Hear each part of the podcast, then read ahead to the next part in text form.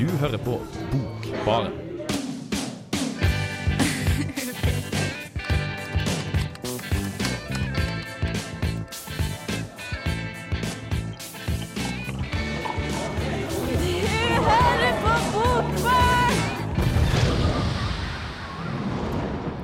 Velkommen. Vi kjører på med temasending i dag. Ikke mindre enn vår etterlengta erotiske sending. Jeg heter Eline Bjerkan, og i studio så har jeg med meg Kristoffer Ervik og Ingrid Kveim Skarholt. Vi har i alle fall gleda oss til denne sendinga tidligere. Eh, og kanskje så har vi også nå rukket å angre oss litt. Vi får se. Uansett, jeg har møtt Venus i pels.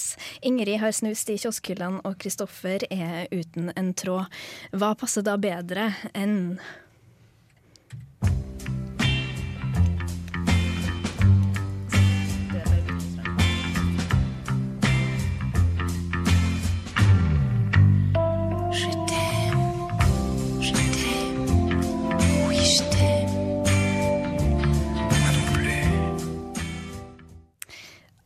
Det var bare kødd. Uh, vi skal høre en litt bedre sang.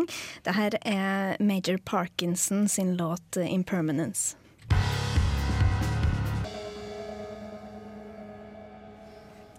Major Parkinson uh, hørte vi der. Uh, vi skal over til Kristoffer. Du har tatt med deg en Kan vi kalle det en klassiker? En klassiker, en kultklassiker, kanskje? Ja, det er kanskje det. Av Jens Bjørnvold, glemte nesten navnet. Men det er den av kanskje mest kontroversielle bøkene hennes. Eh, har kanskje ikke vært så kontroversiell i dag. Ville ha sikkert solgt i massetalls, som Fifty Shades of Grey, men eh, det er i hvert fall en erotikkroman. Ja. I alle dens former. Og det er ikke bare mann og dame-erotikk. Det er dame-dame og mann-mann og gutt og mann og ja, hele fjøla. så det her er noe for enhver smak, da? Kan man ja. si det? Vil du anbefale den? Hvis du ikke finner smaken din i den der, så ja. Bør du skamme deg, egentlig. ja, men eh, er det, så derfor så skjønner vi at eh, det kanskje ikke var så rart at den ble At han her godeste Jens Bjørneboe ble jo uh, dømt for å, og ble jo fengsla. Ja, i 1966 faktisk. Ja. det er jo ikke så rart, fordi de var ganske streit og teit før i tida. Og det kom jo ei tid da det var ganske forskjell mellom de gamle og de unge. De unge ville ha hippie og sex og dop, og de gamle ville ha eh, Hva ville de, da? Ikke det. De ville, ja, de var litt konservative, dem da. Og så ja. hadde de makta, så de kunne gjøre hva de ville. Mm, det de ville, var å ikke ha uten en tråd. Så de, han, jeg tror ikke han fikk så veldig mye i bot. Tror det var 100 kroner eller sånt. Men så ja. måtte han ha flere arbeidsdager. Eller heter det arbeidsdager? Jeg måtte ha sånn sivil eh, mm. Hva heter det? Sånn, uh, Mal en vegg. Ja. det er det det heter. Så han ble ikke fengsla, kanskje upresist å si, men at han ble idømt en dom, i hvert fall. Ja. Ris på lanken. Ja, eller litt ris. Det hadde han jo sikkert eh, satt pris på. Ja. Men, eh, men eh, du snakka om det her da at, at den kunne ha blitt gitt ut i dag og blitt solgt i store kvanta. Mm. Uh, er det da Er det på nivå med uh, Fifty Shades of Grey og den typen, eller er det liksom noe litt spesielt med denne boka? Uh, jeg har ikke fått med så mye med Fifty Shades of Grey. Det er min akilleshæl. men det er veldig enkel, og det handler om bare ei dame som sliter litt med å ha sex, og så drar hun til en sexolog, og så finner hun ut at sex er jo kjempegøy, så drar hun ut og har sex. Ja. Og det første eh, at hun møter den sexologen, skjer de første 50 sidene. Og så er det 100 sider med sex av ulike typer. Ja, Ikke med sexologen, da? Eh, jo, faktisk. Ja, det. Mm. er jo egentlig ganske fint. Men eh, han har jo en slags filosofi bak det hele her, og det er jo at du skal være snill mot andre eh, hvis de er snille mot deg. Nei, du skal være snill mot andre uansett om de er snille mot deg, men eh, ja, sex blir bedre hvis du prøver å hjelpe andre tror jeg. Selv om de er slemme mot deg? Nei, det var vel ikke det jeg ville få med, men det kom sikkert sånn fram. Men du skal ja, gi og ikke ta. Gi det beste. Ja. Mm. Vi det her er en sånn uh, bokbarn slash uh, juntafil-sending vi har uh, her i kveld. Det er veldig fint. Mm. Men um, du har også snakka litt om, om det som du kaller for sexfilosofi. Hva er ja, det for noe? Det var vel egentlig Det er sånn kardemommelov med, uten klær. egentlig. Så se for deg politimester Bastian med uh, pisk, egentlig. Ja. Oh, er, og også litt barnebokbarn inni det der. Vi burde ha blanda dem, egentlig. Ja, det har vært Skrevet våre egne barnesexbøker. ja, men um, Eh, syns du så vi, vi har snakka om Etterpå skal vi komme inn på litt mer sånn typisk husmorkioskporno. Eh, hvordan er det her i forhold til å gjøre narr av det i boka? Ja, på en måte. Eller jeg sier jo det sjøl i etterordet. Men uh, jeg leste uh, Åh, hva heter den? Den første boka hennes. Den, uh, i hvert fall, den er jo veldig dårlig. Og så sier den etterordet at Eh, det er egentlig veldig bra, og kritikerne er dum, og sånn. Eh, så jeg er litt skeptisk til det her, om at han mener at det er noe underliggende, eller om det bare er en skit av en roman. Det er litt vanskelig å si. Kanskje folk blir mm, klokere av å høre på anmeldelsen din? Karakterfull er et ord som kan brukes som Jens Bjørneboe. Forfatter, dramatiker, skøytelærer, antroposof og anarkist. Du inviterer ikke Bjørneboe på din datters konfirmasjon, men det vil du sikkert ikke heller. Den er skrevet kultromaner som Jonas, Haiene, Bestialitetens historie og ikke minst muligens hans mest kontroversielle, Uten en tråd. Den ble utgitt anonymt på Skala forlag, men forlaget reklamerte med at romanen var skrevet av en kjent forfatter. Katta var snart ute av sekken, og Bjørneboe ble avslørt som forfatter. Boka ble publisert i 1966, en tid da ungdommen svarte på andre verdenskrig deres foreldres moraler med hippiekultur og festivalliv. Dette var noe eldingene i samfunnet måtte slå hardt ned på. Verden må ha disiplin, ikke pornografi. Uten en tråd bedømte retten som pornografi. Jens Bjørneboe slo tilbake med at Agnar Mykle, Hans Jæger og Christian Krogh, store forfattere som skrev litteratur som ble ansett som pornografisk. Hun hadde en deilig rygg, og jeg kysset henne lenge og vått på korsryggen, mens hun reagerte livlig med å vri på kroppen og sprelle med beina. Så gikk jeg lenger ned, mens jeg kjente at jeg var våt mellom beina selv også. Jeg la munnen til det stedet hvor enden deler seg, og Lise sprelte kraftig til igjen. Hun klarte ikke å holde den hvite, vakre halen sin stille, og beveget bekkenet fram og tilbake. Så trakk jeg halvdelen hennes fra hverandre og slikket nedover i sprekken mellom dem. Hun var varm og fuktig der, og da jeg trakk setemusklene hennes enda lenger ut, så jeg det fine, rosa hullet hennes. Så trangt og lite at en ikke skulle tro at det var plass til en fyrstikk i det engang. Jeg la munnen inntil og kysset det, Slikket den tung i spissen, mens hun løftet enden opp og vred den frem og tilbake. Uten en tråd handler om Lillian. I begynnelsen har vanskeligheter med sex. Lillian har blitt så skremt av mora om romorens pripne moral at hun ikke får orgasme. Det her leder fram til at hun tar med seg en gutt hjem, men nekter å ligge med ham. Han blir så sint at han voldtar Lillian. Hun blir ødelagt. Hennes venninne anbefaler en sexolog. Hun går til han skeptisk, men finner ut at han kan hjelpe. Etter legetimen forvandles hun til en ny dame. Lillian sparer penger og spør foreldrene om hun kan reise gjennom Europa.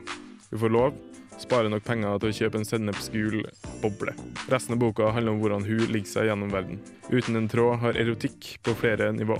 Det er minst like mye homoseksuell sex som hetero. Bjørneboe legger fram om geometriske figurer i hytt og gevær. Trekanter, firkanter og mange, mange kanter. Det er også noe BDSM på slutten som ville fått en eller annen Fifty Shades-tilhenger til å sprelle vilt. I det samme kom rappet av gummiremma hardt og fort, og det traff meg ovenfra og midt i sprekka mellom setemusklene. Det var verre enn jeg hadde venta, det sved som salt i et sår, og med et hyl kasta jeg meg rundt på ryggen med hendene over enden. I samme øyeblikk pep remma på ny gjennom lufta, og den traff meg foran, tvers over det nederste av magen. Det var kanskje ikke så hardt denne gangen, men det gjorde djevelsk vondt, og mens jeg hørte hylene mine, slo han enda en gang tvers over lårene på forsida. Det førte til at jeg la meg på magen igjen og trakk beina opp under meg, mens jeg kjente tårene rant nedover ansiktet mitt. Med det samme jeg lå sånn, slo han bakfra. Jeg trodde det var enda hardere enn første gang, men det var på tvers av setet, og det svei som ild. Jeg snudde meg og holdt hendene bak for å beskytte meg, og samtidig slo han foran, to-tre ganger, på magen, over lårene, høyt opp. Uten en tråd en enkel bok.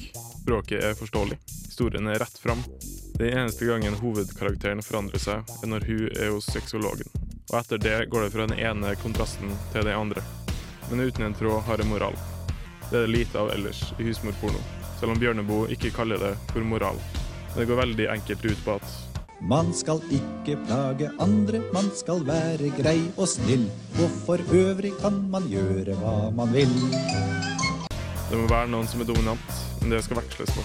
Sexologen, han som har funnet ut selve seksualsannheten, talerøret til Jens Bjørneboe. Det er fint å tenke på at seksualfilosofien til Bjørneboe er sunn.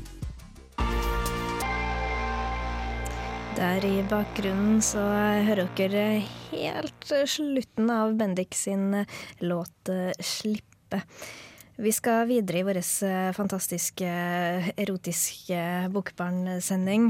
Og Ingrid, du har vært og sett deg ut en bok blant kioskhyllene her. Ja, det har jeg, fordi at jeg var litt sånn følte at jeg måtte prestere litt, da, fordi jeg visste at begge dere skulle ha med dere gode, kleine, ordentlig avslørende klassikere som i hvert fall var ganske heftige da de kom ut. Og så tenkte jeg at nå skal jeg prøve å finne noe som jeg virkelig kan le av. Men, så derfor så tok jeg meg turen på Narvesen og letta blant eh, kioskromanen og prøvde å se på coverne og finne noe. Så jeg fant jo eh, Det coveret jeg har, er jo en sånn ganske het omfavnelse her med en mann og en dame og veldig åpen rygg på hun dame. Man ser liksom hvor hendene og blikket blikket vil, da. Men, men Veldig sånn um, sanselig og veldig romantisk. Ja, veldig intense blikk og veldig sånn begynner å åpne skjorter og ja, diverse. Men uh, det kunne jo vært enda verre. Som Kristoffer og jeg snakket om i forrige sending, så spurte Kristoffer om det kanskje kunne vært en hest på, f.eks. Og ja, litt sånne ting. Det hadde blitt enda Litt bunader og sånn. Ja. Det er fint. Og solnedgang og ja, diverse. Ja. Mm. Men uh, uansett, altså, når man ser det her coveret her, så tror man jo at man uh, vet hva man får, da. I alle fall. Men uh, det, det, du, du ble overraska, altså? Ja, jeg ble virkelig overraska, fordi dette her er virkelig det kjedeligste jeg har lest på lenge. Altså, fordi at jeg tenkte nå kan jeg endelig være dritteit. Ikke sant? Jeg prøver å si noe bra hver gang og prøver å svare på livets store spørsmål. Så kommer jeg her og så skal jeg bare være teit og bare slappe av og le og bare latterliggjøre alle andre. Men nei, jeg fikk ingenting ut av det, rett og slett. Jeg bare satt der, og det var verken, verken altså Jeg hadde godtatt at dette kan være skikkelig kleint. Dette kan bare dra den sjangeren eh, til det ekstreme, være heftige avsløringer og eh, så klisjeer som det går an. Men eh, men det var liksom ikke det, og det var heller ikke noe sånn prøvde, Forfatteren prøvde heller ikke å bygge opp noen dypere personligheter, så det var liksom verken det ene eller det andre. Jeg skjønner ikke helt hva hun prøvde på, eller hvorfor hun selger, da. Nei, for det må jo eh, gjøre Jeg tenker det her er jo en bok som er blitt oversatt, mm. og, og, kanskje også eh, er det en serie? Ja, det er uh, første av to i en serie som heter 'Overlevelsesguide for romantikere'. Jeg akkurat, jeg tror ikke akkurat romantikere overlever av dette, for det var ikke så veldig det var jo selvfølgelig noen beskrivelser, litt ting som skjedde, men det var veldig tamt uh, og veldig lite. Og visste, det var veldig forutsigbart, det visste jeg at det kom til å være, men uh, det var liksom ikke det kunne vært Den forutsigbarheten kunne vært hatt litt flere sånne hint inni seg som litt mer følelser og litt mer uh, ja, utbrudd og litt flere tegn som var litt mer spennende tegn, da, for det var kanskje litt tegn i, eh, i, ord, men ikke så mange tegn sånn fysisk. Det kunne vært litt sånn småting som gjorde oss litt mer nysgjerrige. At vi gledet oss til den endelige, endelige men det, det, fikk vi ikke, da. Vi fikk ikke noen fysiske Ingenting. hint. Nå, du, nå, har vi vært så opptatt av å si hvor, hvor, skuffende denne boka er, sånn at vi har glemt å sagt hva den heter.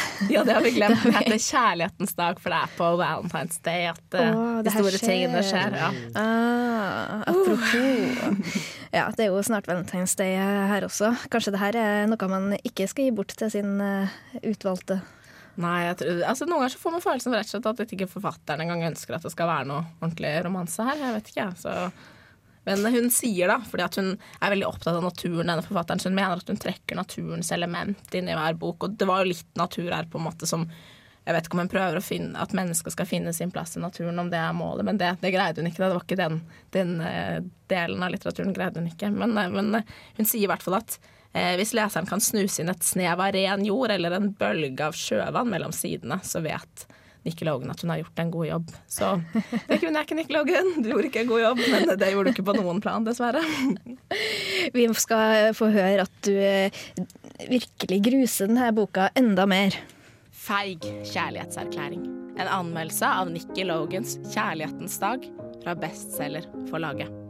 Logans roman begynner romantisk nok med et direktesendt frieri på radiokanalen Eros. Uheldigvis går det ikke veien for frierinnen Georgia. I et forsøk på å gjøre katastrofen mindre tilbyr kanalens sjef Sander et betalt årsprogram av Finn deg selv-aktiviteter. Ved å oppdage nye sider skal Georgia frigjøres fra stempelet som dumpet, mislykket kvinne. Sander blir hennes følgesvenn og intervjuer, og ikke overraskende blir det god stemning mellom dem. Kjærlighet ved første blikk er det noe som heter. Utveksling av svette bilnøkler i dette tilfellet. Når følelsene blir sterkere og forvirringen større, begynner spørsmålene å rulle opp. Kan man ha noe annet enn et profesjonelt forhold til noen i samme organisasjon? Er kjærligheten tilgjengelig for alle? Med stempelet 'overlevelsesguide for romantikere' er det klart at forventningene er store på den romantiske fronten.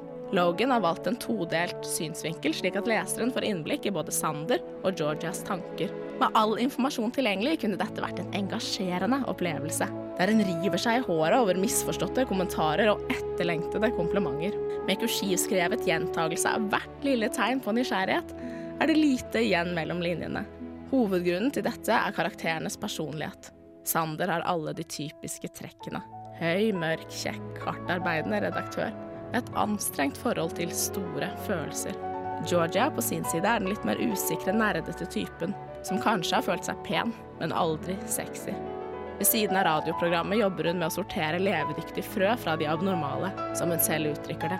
Når hele arbeidsdagen går med til å finne feil og mangler i planteriket, er veien kort til den samme prosessen i sin egen verden.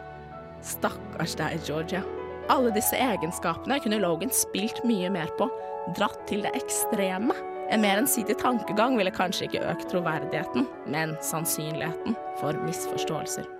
Det er generelt lite å grave i, og lite hjelper det at de få hemmelighetene som finnes, verken får den plassen eller reaksjonene de fortjener. Det hadde vært kleint, men nødvendig i en roman som denne, med gråtkvalte innrømmelser i solnedgangen, akkompagnert av havskvulp, gresshoppesang, eller kanskje til og med en spansk gitar, og da selvfølgelig tilsvarende tilgivelser, beskrevet med det heftigste bokstaver kan tilby. Ja, hvor blir sexscenene av? At kodeknekkinga ikke leverer, setter det følelsesmessige engasjementet under større press og dette er språkets arena. Logan gjør et forsøk på symbolbruk og språklig lek, men også her når hun bare en brøkdel av sjangerens potensial. Et høydepunkt er bidraget fra planteriket. Georgias ekskjærestes nye dame jobber i orkideavdelingen og er alltid vakker. Georgia må i likhet med frøene på jobben bygges opp og spire før hun blir et velfungerende menneske. En annen godbit er den sensuelle, ja, pirrende magedansen. Logans romanforsøk er noe av det feigeste jeg har lest på lenge. Skyldes dette at hun ønsker å være en seriøs forfatter, selv innenfor sitt felt? Kjærlighetens dag var så språklig tam og lite avslørende at jeg ikke følte meg skikkelig teit eller flau noen gang. Hvis ikke Nikki Logan tør å drite seg ut ordentlig, har hun ingenting på kiosken å gjøre. På en annen side jeg kommer til å lese en kioskroman igjen. Jeg må jo teste ut hvor kleint det faktisk kan være. Kanskje ta den med til en av Trondheims kulere kafeer. Det er kleint, det. Bokbarn på Radio Revolt gir deg stemningsfulle opplesninger av det beste innenfor poesi. Den lyse buen av naken hud. En ung jentes fullkomne fullkomne full, En ung jentes fullkomne bryster. Oi, ja. Det, det er ikke alltid like enkelt. Bokbarn. Bokbarn. Stakkars uh, Aksel i blyforgiftningene. Kommer seg aldri bort fra den der. Nei, Det er ikke bare bare å lese opp for oss. Nei, det er det ikke. Og det er ikke bare bare å skrive kiosklitteratur heller, Ingrid? Nei, det er vel ikke det. Eh, jeg tror at man eh, jeg tror faktisk at veldig mange kunne hatt det gøy med å gjøre et ordentlig forsøk på kiosklitteratur. Hvis man bare godtar virkelig at det er den sjangeren man skriver så kunne man eh, dratt den ganske langt. Men det, det turte ikke Nikki Dogan, dessverre. Nei, Men det hun har uh, turra, da, eller i hvert fall forlaget har, uh, har gjort, det er jo også reklamere inni, altså midt inni boka. Jeg har aldri sett noe sånt. Ja, rett før de, Det er sånn tre sider igjen. Eh, boka er egentlig delt i to, så det er en annen bok også som ikke er skrevet av henne, som heter 'Fartsfylt romanse', for de som måtte ønske å lese den.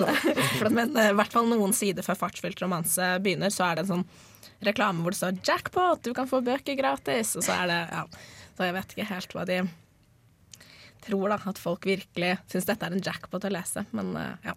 Vel, altså, vi må nesten bare nevne at det som ser ut til å være forlaget, det heter også Harlekin. Uh, så det er vel bare i tråd Ja, Harlekin er i hvert fall en det. Og så er det i tillegg bestselgerforlaget er Harlekin under eller et eller annet. Ja. Ja. Ikke, det er ikke et annet ja, Jeg vet ikke, jeg kan ikke alle detaljene om bestselgerforlaget, men ja. Mm. Men i tillegg til da eh, fartsfylt romanse og kjærlighetens dag og sånn, de, de har et veldig eh, Så språket i seg sjøl oppfyller jo noen eh, eh, sånne ideer man kunne hatt på forhånd om hva det her kommer til å være. For du håper å snakke om noen lepper som Ja, det er det at eh, Jeg sa jo i anmeldelsen min også at språket kunne vært enda mer, på en måte. Men språket er kanskje det jeg syns hun er flinkest på hvis hun skal være god på noe. Men eh, det som jeg også sa, da var at det var omtrent ingen eh, eh, drøye eller litt avslørende beskrivelser. Det heftigste liksom var endelig fikk leppene det de hadde venta på så lenge, og det var et kyss, da. Så det var Jeg hadde kanskje venta at noe mer, men uh, lepper og ja, det var heftig, det òg. Vi skal gå over til noe som kanskje er heftig på en litt eh, annen måte snart. Eh, Vi skal høre en dialog fra den boka jeg har tatt med, som heter 'Venus i pels'. Her er det Kristoffer og Ingrid som har eh, satt seg inn i rollene. Veldig kredelig.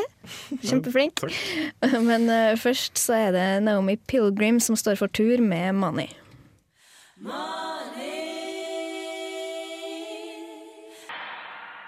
Men Severin, tror de at jeg er i stand til å mishandle en mann som elsker meg slik de gjør?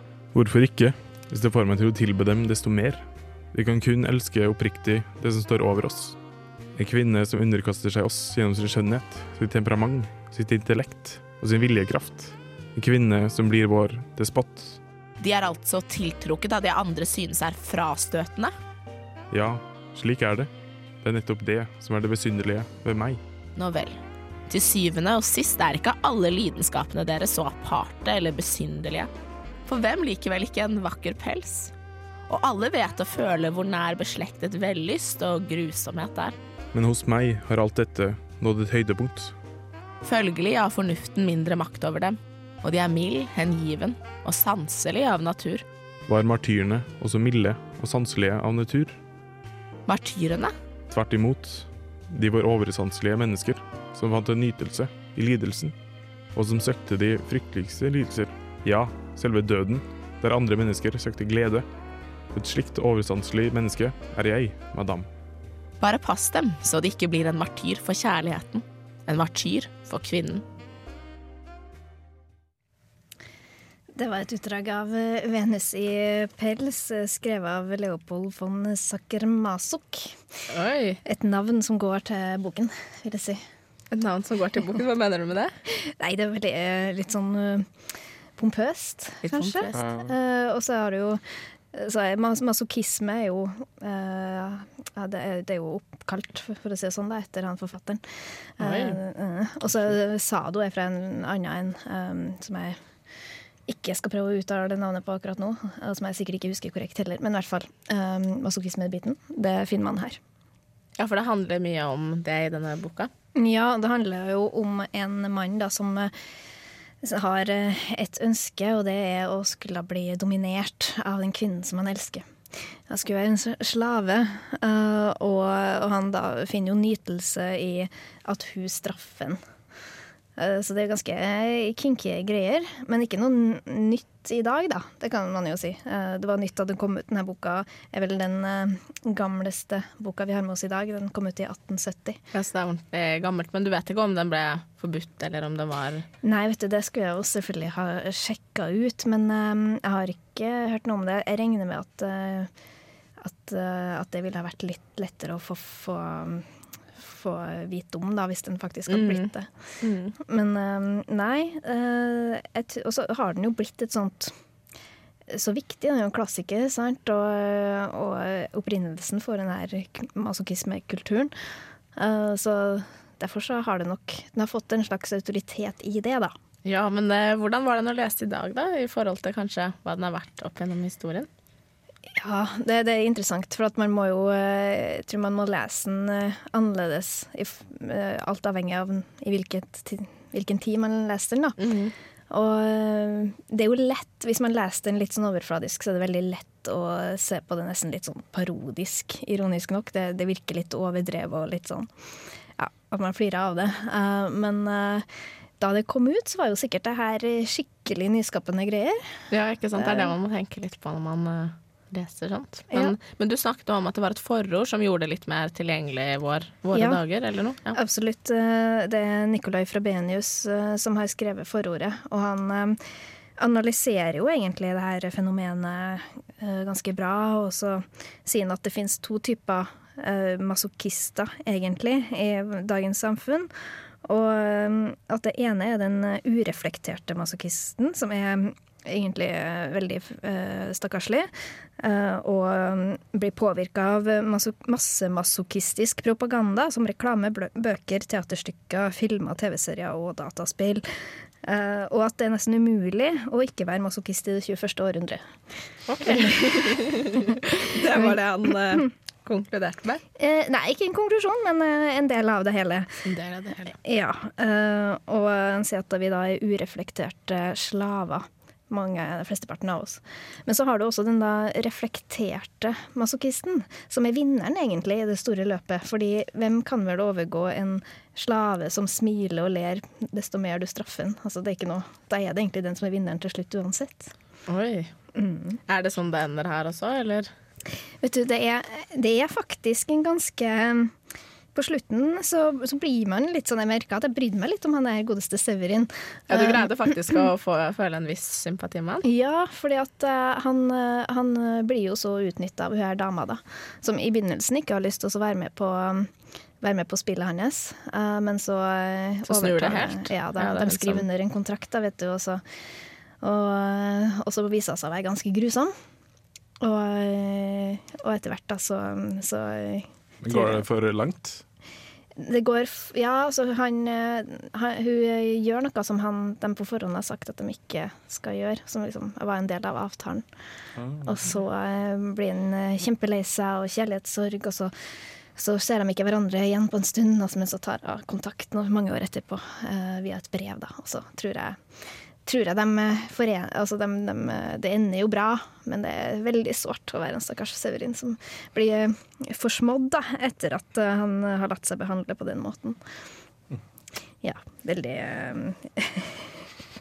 altså, Men det, det som er spesielt, boka når jo jeg hadde jo, Den innfridde jo noen forventninger jeg hadde på forhånd, på en måte, i- med tanke på den her det masochistiske, og at det altså, er virkelig en mann som går ned i grusen. Sant? Men uh, det er jo ingen sex i boka her. Nei, det er ikke det her heller. hos det, Nei. Sant? En enorm skuffelse. Enorm skuffelse.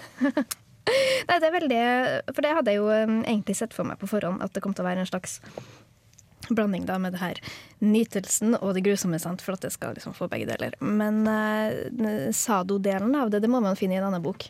Mm. Det var ikke så rart du ikke huska alt om Sado heller, da, siden du ikke fikk det i den boka her. Nei, jeg fikk ikke, det, var, det er liksom bare én side ved det, på en måte. Og hun, eh, herskerinnen vil jo ikke gi ham mer enn noen få kyss de gangene han, hun syns han er verdt det. Så eh, nei, den um Det er vel en del av historien, da. Den pornografiske historien.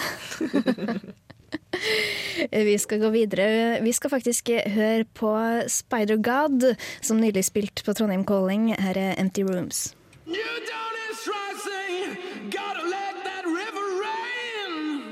Vi har jo bare tatt for oss eh, romaner enda, men eh, det finnes jo nok av eh, erotikk i dikteren, i poesien. Ja, det gjør det, vet du. Spesielt i dem som står i Cupido. Ja, for det ble arrangert en konkurranse der Anne B. Ragde annet satt i juryen for å bedømme ulike, ja, ulike dikt. Ja, og vi har jo tatt med oss et knippe av de her diktene. Og jeg vet ikke, ser vi Anne B. Ragde i, i, i mellom linjene her? Det som var litt morsomt, da, var at hun var veldig opptatt av å, eh, at de skulle handle om, eh, om noe annet enn bare pornofella, da, som hun kalte det. Så um, det er visst eh, mye dypt som ligger mellom linjene her.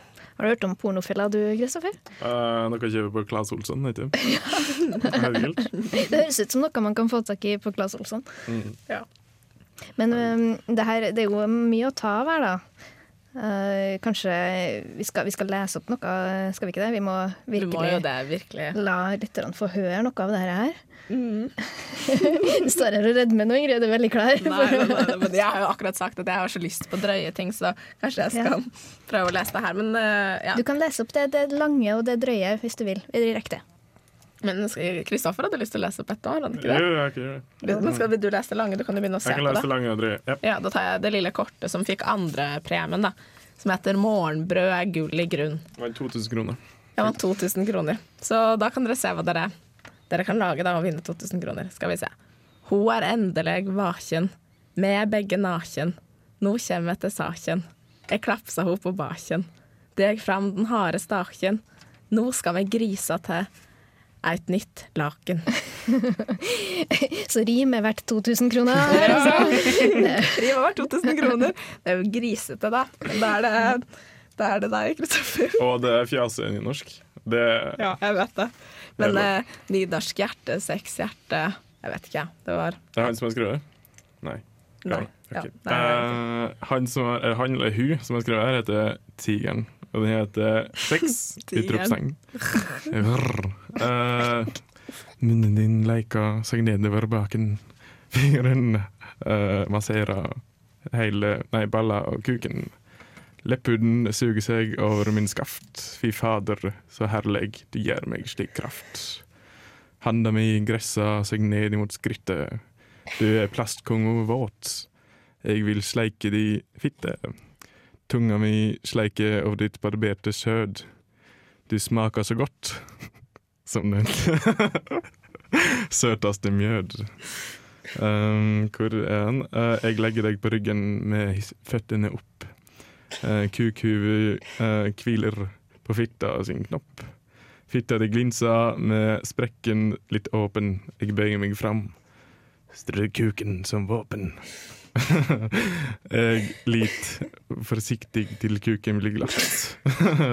det virrer deg i vellykt, og med som en katt. Orgasma nærmer seg en kuk full av saft. Jeg kjenner det på meg, og nå har vi taft. du velter meg over uh, mens jeg ligger på en benk, uh, er andre sida. Uh, du kviker meg i ballene. Jeg vil ha deg i senk. Fitta di eh, spriker når du trer deg på. Du rir meg så knallhardt, kjem snart til å gå. Hun skjev og med rista og er helt forrusa. Du roper så høgt. Fyll du høla med kusa! Fantastiske kvinne, du er bedre enn gull. Det dundrer i kuken, jeg sprøyter deg full. Når orgasma jager og krampa hos kom, fitta di uh, klemte, de mjølka meg tom. Av tiger. Tiger kan virkelig få sagt det. Det er mye dypt mellom Skikkelig langt, da. Ja, det, det, var det førsteprisen, eller? Nei, det var ikke veldig få korte ord. Nei, det var, det var Er det ikke tredje, tredjeplass? Jo. Sammen med glassblåseren og Her var tredje premie på 1000 kroner. Hvis vi noen gang lurer på hva slags stikk vi skal sende inn til Pri radio, så eh, har vi svaret her. og jeg tror det er på sin plass med Daniel Kvammen og ingen veier utenom.